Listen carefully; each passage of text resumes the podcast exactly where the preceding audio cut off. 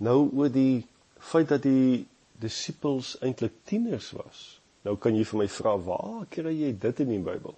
Kom ek probeer om so 2, 3 gedagtes daaroor met jou te deel wat heenwys hierna.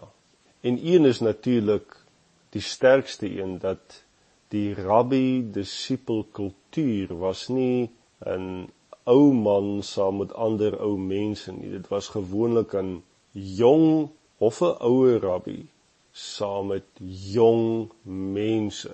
Jy kon nie 'n smiga rabbi wees wat regtig anders so leer voor die ouderdom van 30 nie en Jesus was omtrent 30 toe hy sy disippels genooi het. Maar hy was ook 'n vaderfiguur en dit was jong mense gewoonlik hierso in hulle middel 10 jare ons lees byvoorbeeld in Matteus 10 vers 42 en elkeen en dis Jesus aan die woord nê en elkeen wat een van hierdie kleintjies net 'n beker kou water laat drink omdat hy 'n disipel is voorwaar ek sê vir julle hy sal sy loon sekerlik nie verloor nie. Ons lees in Matteus 17 vers 24 en toe hulle in Kapernaum kom met die wat die tempelbelasting ontvang na Petrus gegaan en gesê betaal julle meeste nie die tempelbelasting nie hy antwoord ja en toe hy in die huis inkom was Jesus hom voor en sê wat dink jy Simon van wie neem die konings van die aarde tol en belasting en van hulle seuns of van die vreemdelinge Petrus antwoord hom van die vreemdelinge. Jesus sê vir hom dan is die seuns vry. Maar dat ons hulle geen aanstoot mag gee nie, gaan na die see toe, gooi 'n hoek uit en neem die eerste vis wat opkom en as jy sy bek oopmaak, sal jy 'n stater kry. Neem dit en gee dit aan hulle vir my en vir jou. Vir my en vir jou. Hierdie is baie belangrik op hierdie stadium om te verstaan wie die agtergrond Dit was Romeine wat geheers het in hierdie tyd en Jesus vat weer vir Petrus deur 'n les, maar die punt is, hy sê ons gaan maar ons belasting betaal. Onthou dit is Jesus en sy disippels is bymekaar en hier kom Petrus. Die fokus is net Jesus, ons moet belasting betaal. Dis net hy en Jesus. Hoekom?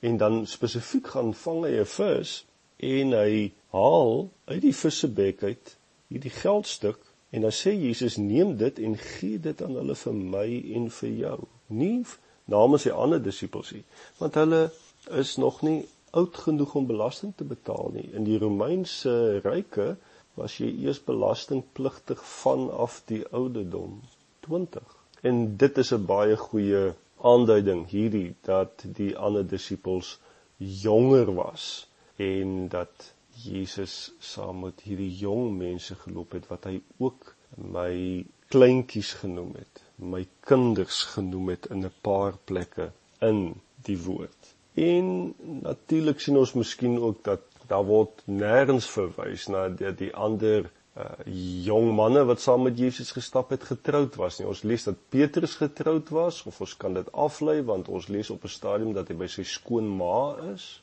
maar die ander is nie getroud nie en oor die algemeen het 'n jong Joodse seun vanaf 18 jarige ouderdom getrou.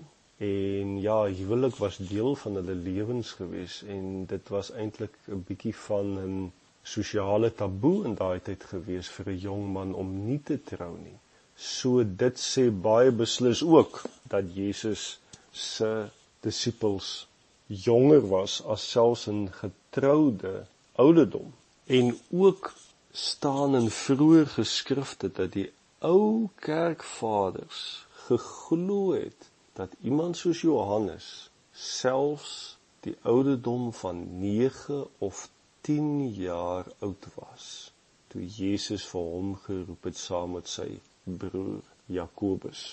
En ons kan ook op 'n manier dan verstaan dat Jesus altyd wat Petrus aanbetref, hy was van die eerste geroepe disippels, dat Jesus 'n baie groot hart vir hom gehad het. Hy was ook die leier disipel omdat hy eintlik maar die oudste was, nie omdat hy so vooraan was en volgens ons baie keer heeltyd praat nie. Dit het niks daarmee te doen nie. Die oudste disipel was die leier disipel en Petrus moes dalk in sy vroeë 20's gewees het, maar Jesus het 'n baie spesifieke besorgdheid gehad oor Johannes en Jakobus. En ons lees ook op 'n stadium dat hy hulle weer 'n bietjie na hulle ma toe gevat het. Want heel moontlik was hulle net so jonk geweest dat hy hulle slag by hulle familie draai moes maak en dat Jesus dan ook hulle gesien het as geliefde disippels. Meer aandag en besorgdheid oor hulle gehad het, hulle bietjie nader aan sy lyf gehou het juis omdat hulle so jonk was. Maar hierdie word uiteindelik gesê met een doel. Jy kan in die oë van die wêreld geen staanplek hê nie. Jy kan in die oë van die wêreld geensins geag word nie soos 'n jong kind van 10 jaar oud, maar Jesus wil en kan met jou die wêreld verander. Dit is wat jy moet hoor. En hy het dit gedoen. Hierdie jong manne het soos hy geword, soos hy begin doen, was gevul met die lewe van Jesus en hulle het die wêreld verander sodat ek en jy vandag nog steeds as vrug as produk van hulle gehoorsaamheid Jesus kan volg. So kom saam met my maakie saak wat jou agtergrond is nie agter Jesus aan. Maak nie saak wat jy oor jouself dink nie. Kom agter Jesus aan. Maak nie saak wat al gebeur het nie. Kom agter Jesus aan.